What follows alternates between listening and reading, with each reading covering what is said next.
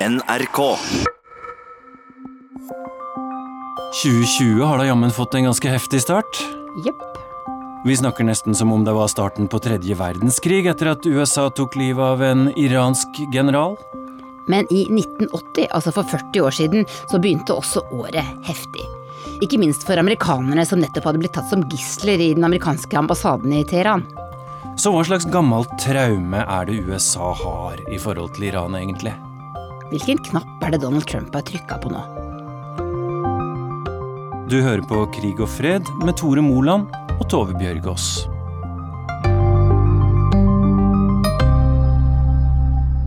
If Americans anywhere are threatened, we have all of those targets already fully identified, and I am ready and prepared to take whatever action is necessary. Good evening. The U.S. Embassy in Tehran has been invaded and occupied by Iranian students. And that in particular refers to Iran. Det var jo en ekstremt dramatisk situasjon, særlig de aller første dagene, da ambassaden jo ble storma. Eh, man hadde en kjempejobb med å prøve å ødelegge dokumenter som de hadde liggende. Amerikanske eh, visa-utsendelsessystemer som de ikke ville overlate til eh, iranerne. Og eh, å forsøke å ivareta sin egen sikkerhet. Og det var et brutalt oppgjør, rett og slett. Disse iranerne var sinte. Det var eh, unge studenter som hadde våpen. In return for their American hostages' freedom, they're demanding the United States give up the deposed Shah of Iran from his hospital bed in New York to stand trial before a people's court. Jeg heter Mari Salberg, og jeg har en doktorgrad i historie som handlet om amerikansk politikk overfor Iran på 1970-tallet. Kan du ta oss med tilbake til 1979? Ja, eh, det var jo et veldig turbulent eh, år. Iran hadde vært USAs kanskje aller beste venn eh, ved siden av Israel i Midtøsten.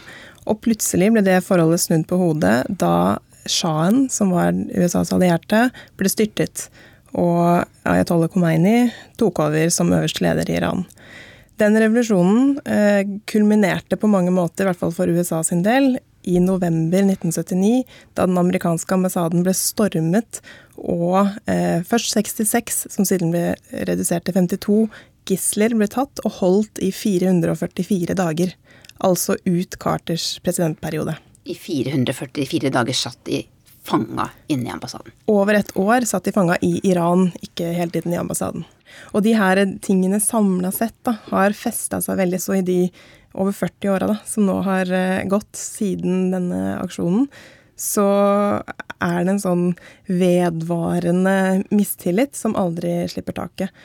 Studentene som var så sinte og som tok gisler inne i den amerikanske ambassaden, de var jo en del av en islamsk revolusjon som starta i Iran bare noen måneder tidligere. Hvordan bygde dette seg opp?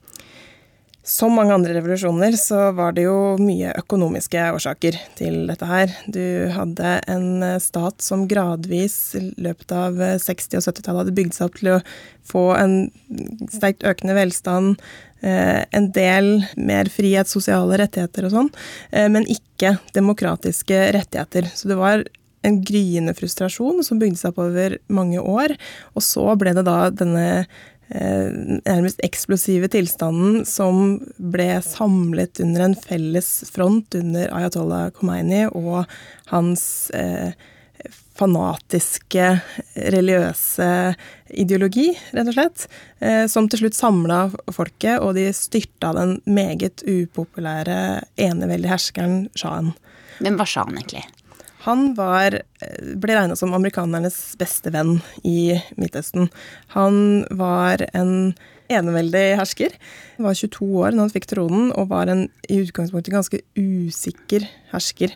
Men gradvis så fikk han bygd opp eh, sin egen selvtillit, og spesielt da hjulpet gjennom eh, det amerikanskledede kuppet i 1953, der den demokratisk valgte statsministeren, Mohammed Mossadegh, ble styrtet, og sjahen ble gjeninnsatt med eh, ytterligere mulighet til å bygge og konsolidere sin egen makt.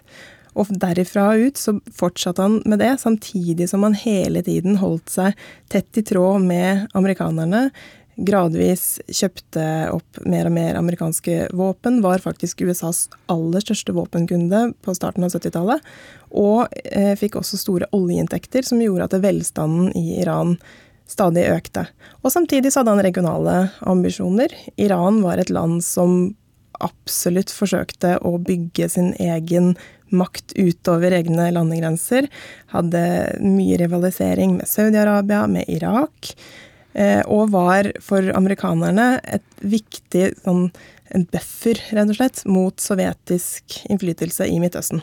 For den kalde krigen var også viktig i denne historien? Absolutt. Den kalde krigen var det helt førende argumentet for at amerikanerne stolte sånn på sjanen som det de gjorde. Hvorfor det? Fordi han var så tydelig i eh, sin rolle som motvekt. I hvert fall så mente amerikanerne han var det. Han var eh, reelt sett mer enn villig til å gå til Sovjetunionen og be om våpen også, hvis han hadde behov for det. Spilte de to supermaktene elegant opp mot hverandre, men var, når det gjaldt, alltid lojal mot USA. 444 days that changed the course of history. For Jimmy Carter, day 444 begins just as the last two days have begun. Without sleep, exhausted, surrounded Vil du si at denne gisselaksjonen, det som skjedde på ambassaden i 1979, er noe USA egentlig aldri blir ferdig med? Ja. Det er i hvert fall mange i USA som aldri blir ferdig med det. Det er blitt nærmest et uh, nasjonalt uh, traume. Det var en ydmykelse, rett og slett. Det var jo et uh, brudd på folkerettslige prinsipper internasjonalt, dette her. Det var eh, helt utenkelig for en supermakt som USA at de skulle kunne bli ydmyka på den måten, ikke greie å frigjøre sine egne eh, borgere fra en sånn forferdelig situasjon. President Donald Trump har tvitra at USA har 52 iranske mål de skal angripe dersom Iran slår tilbake for å hevne droneangrepet som drepte general Qassam Soleimani. 52 mål.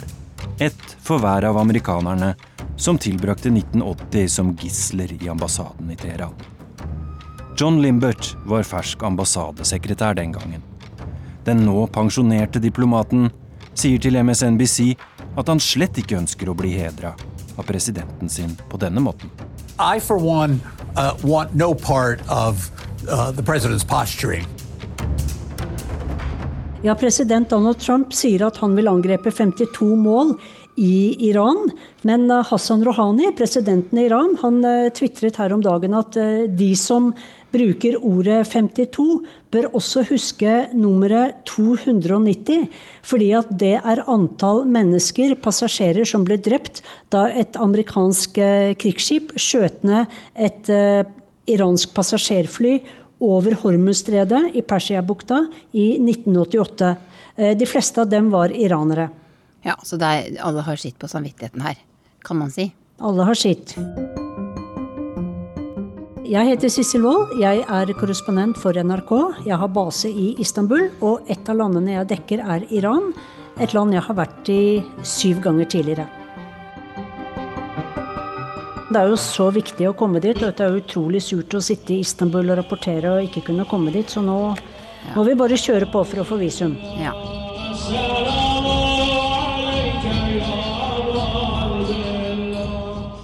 Eh, vi ser disse enorme folkemengdene ja. i Teheran og begravelsen eh, til, til Soleimani. Hvem er det som, som er ute i gatene?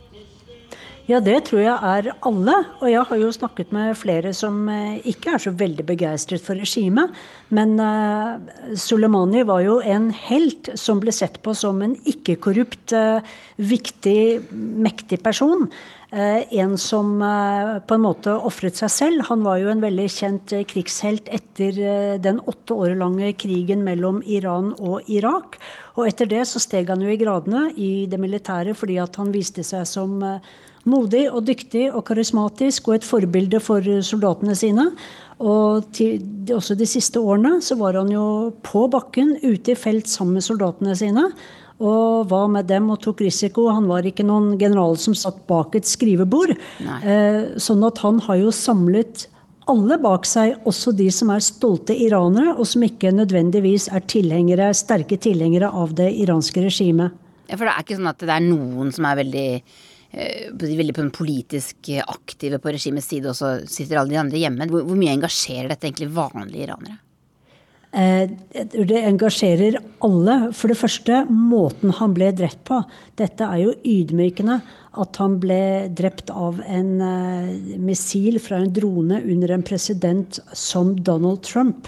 Som eh, de fleste iranere har forakt for. Fordi at han behandler iranere med så liten respekt. Men Donald Trump har også greid det utrolige å samle det iranske folket det er jo bare to måneder siden vi hørte om masse opprør mot regimet i mange iranske byer. Og det ble jo slått ned med hard hånd. Men i dag så stiller jo alle seg bak eh, også det islamske regimet i eh, sorgen over å miste denne generalen. Så han, han har rett og slett klart å snu den politiske stemningen i, i Iran, virker det som? Ja, de sier jo det i Iran at uh, Trumps likvidering på sett og vis var en gavepakke til uh, øverste leder Ayatollah Ali Khamenei. Men når du har vært i Iran de siste gangene, det har vært mye snakk om disse sanksjonene, om atomprogrammet, om den økonomiske situasjonen til folk. Er det slike ting folk du snakker med på, på, på gata har vært opptatt av? Ja, det er jo økonomien eh, alle er opptatt av. Eh, og nettopp dette at de er så isolert. Og noe av det første du hører når du kommer i snakk med vanlige iranere, er at vi er ikke terrorister. Vi er ikke sånne mørkemenn eller eh, skumle folk som, som, man kan få inntrykk av i Vesten, i vestlige medier. Vi er et folk som ønsker å leve i pakt med andre nasjoner og i fred.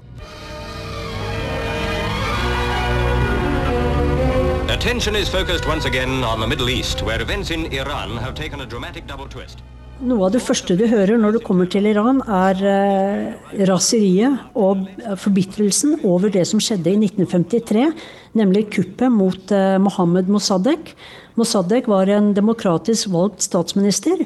Uh, og han var en nasjonalist. Han mente at det er helt feil at det er britene som skal, uh, skal forsyne seg av Irans olje. Han ville nasjonalisere oljen, sånn at iranerne selv fikk denne rikdommen.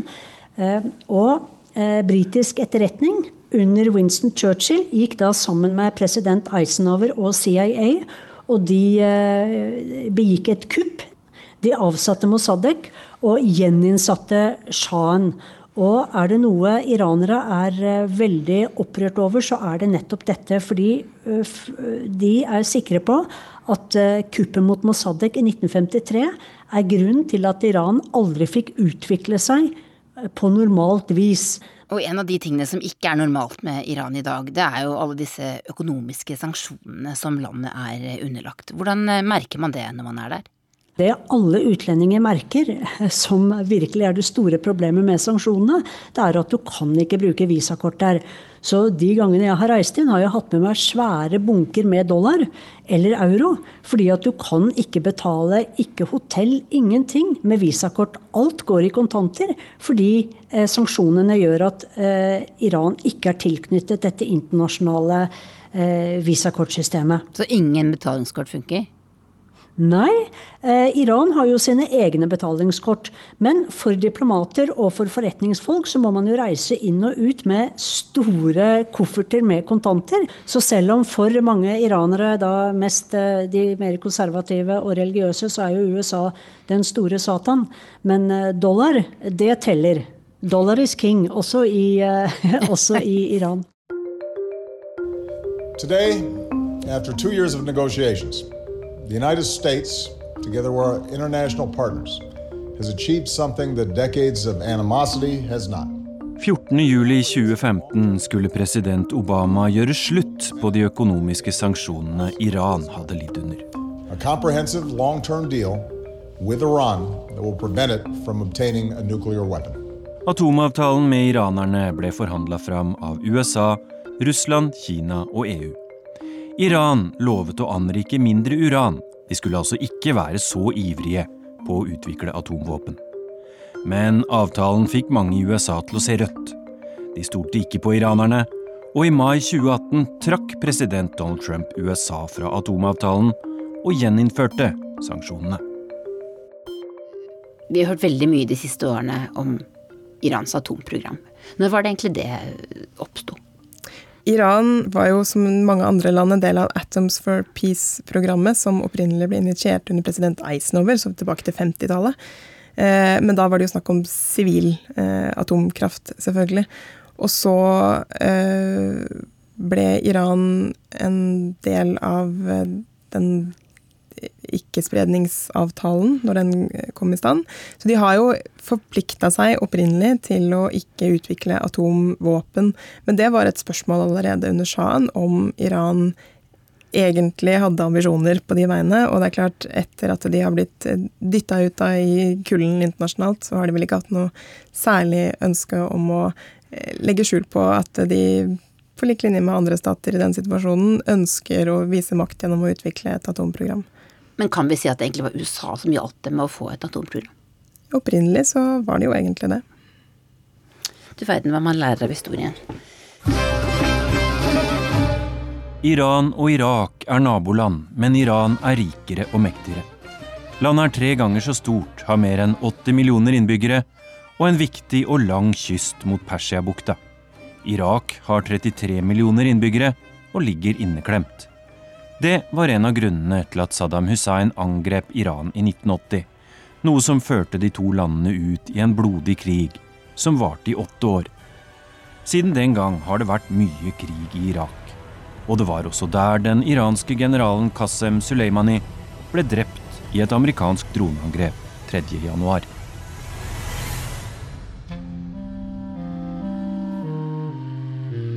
Ting kan jo skje type overalt nå. Eh, ikke bare i, eh, i, Irak. Det kan jo skje her i Beirut, hvor jeg sitter også, for den saks skyld. Jeg heter Kristin Solberg, og jeg er Midtøsten-korrespondent i NRK. Du reiser jo mye rundt i Syria, du bor altså i Libanon, du har vært mye i Irak. Eh, vil du si at du stadig støter på eh, Iran? Ja, absolutt. I en eller annen form. Når Iran gjør noe, så merker man konsekvensene Eh, både her og i, i, Irak. Du har en del av befolkningen som er ganske pro eh. Eh, det går delvis på sekteriske skillelinjer, men ikke nødvendigvis. Og, og så har du en del av befolkningen som er ganske sterkt imot Iran. og Det er jo derfor du har hatt ganske delte meninger også om, om drapet på Qasem Soleimani. Det er jo en mann som har mye blod på hendene, og som har skapt mye bråk i denne regionen. Da. Hvordan har han gjort det? Nei, altså Han har jo da egentlig vært litt i skytteltrafikk mellom disse områdene eh, i mange år nå. Og har bygget opp eh, militser som, har, eh, som, som, som, Iran da har trent opp, og som svarer stort sett til Iran, som ofte er eh, rekruttert lokalt, men de kan også være rekruttert andre steder. Sånn som i Syriakrigen så var det jo masse afghanske flyktninger i Iran f.eks. som ble sendt over til eh, Syria for å, for å krige for Assad. slik at han har jo da et, et, nettverk av militser som han har rundt omkring i, i regionen her. Og de, de, lever jo videre etter at han er, eh, er borte. Og én ting som han har gjort, det er jo at han har utnyttet situasjonen i regionen til å skape en slags akse av innflytelse eh, som går fra Iran gjennom Irak og Syria og Libanon ned mot grensen da til, eh, til, Israel. Så det går en, direkte, en slags direktelinje fra, fra Iran til, eh, til Israel. Um, forholdene jo, i regionen har jo også ligget til rette for det til en viss grad. Uh, altså, det startet jo med den amerikanske invasjonen av uh, Irak. Og et av paradoksene med den er jo nettopp at det åpnet jo døren for at Iran kunne øke sin innflytelse eh, der. Vi har hørt mye om atomavtalen, at Iran føler seg presset opp i et hjørne, frosset ut av jeg har følt det lenge, eh, ut av det gode selskap pga. dette dårlige forholdet til USA. Men hvorfor satser de da så hardt på disse militsene og på en måte på å provosere enda mer i regionen? Altså, det har jo vært deres utenrikspolitiske strategi eh, ganske lenge Og eh, med Irak, invasjonen av Irak i 2003, så så de jo amerikanerne på dørstokken, rett og slett. Det er jo nabolandet. Eh, så da brukte de denne strategien for å rett og slett eh, stikke kjepper i hjulene for amerikanerne. En fjerdedel av alle amerikanske soldater som ble drept i Irak, ble drept av militser som på et eller annet vis var eh, koblet til eh, iransk støttede militser. Og det er et ganske høyt antall og ganske oppsiktsvekkende. We do not seek regime change. However, the Iranian regime's aggression in the region, including the use of proxy fighters to destabilize its neighbors, must end and it must end now. Du har jo jobbet mye med den amerikanske siden eh, mm. av dette, altså amerikansk utenrikspolitikk i, i, forhold til Iran. I lys av den historien, hva, hva slags alternativer ser du at USA har nå? Noe av problemet med å skulle være en uh, supermakt i en uh, unektelig trøblete region, er jo at det finnes ingen enkle alternativer. Uh, det virker jo i hvert fall ikke som om det har vært noen suksess å hele tiden trappe opp og presse Iran lenger inn i et hjørne, hvis målet med det skulle være å Eh, tvinge Iran til å endre handlingene sine, altså bryte denne støtten til diverse grupperinger rundt om i Midtøsten og oppføre seg som et vanlig land, som de vel har fått eh, beskjed om av amerikanske politikere, så har jo ikke det lykkes. Det har jo kanskje til og med vært stikk omvendt, fordi at eh, Iran gradvis blir dytta lenger og lenger ut i kulden og ikke har noen særlig andre muligheter. Og eh, på den andre siden så har du jo de som tar de godt imot, det er jo Russland f.eks. Så det er jo en viss mulighet for at dette her bare øker russisk innflytelse i Midtøsten, som man jo skulle tro ikke var i USAs interesse. Så det er et stort spørsmål om eh, hva det er de egentlig er ute etter her. Og det mange nok tenker på, og som amerikanerne ikke innrømmer per nå, men som ikke er utenkelig å se for seg, er jo et regimeskifte. At de rett og slett vil styrte eh, prestestyret i Iran. Men for det første så er det ikke heller nå noe som tilsier at det vil være utfallet av de handlingene de nå har foretatt. Det har jo vært stor støtte om eh, regjeringen i Iran i lys av de siste dagenes hendelser, i motsetning til hva det var i høst, hvor det var store demonstrasjoner mot styresmaktene. Eh, og for det andre så er det jo ikke helt åpenbart hva USA eventuelt tenker seg som et alternativt styre i Iran. Du har hørt Krig og fred fra NRK Urix. Lydregien var ved Lisbeth Sellereite.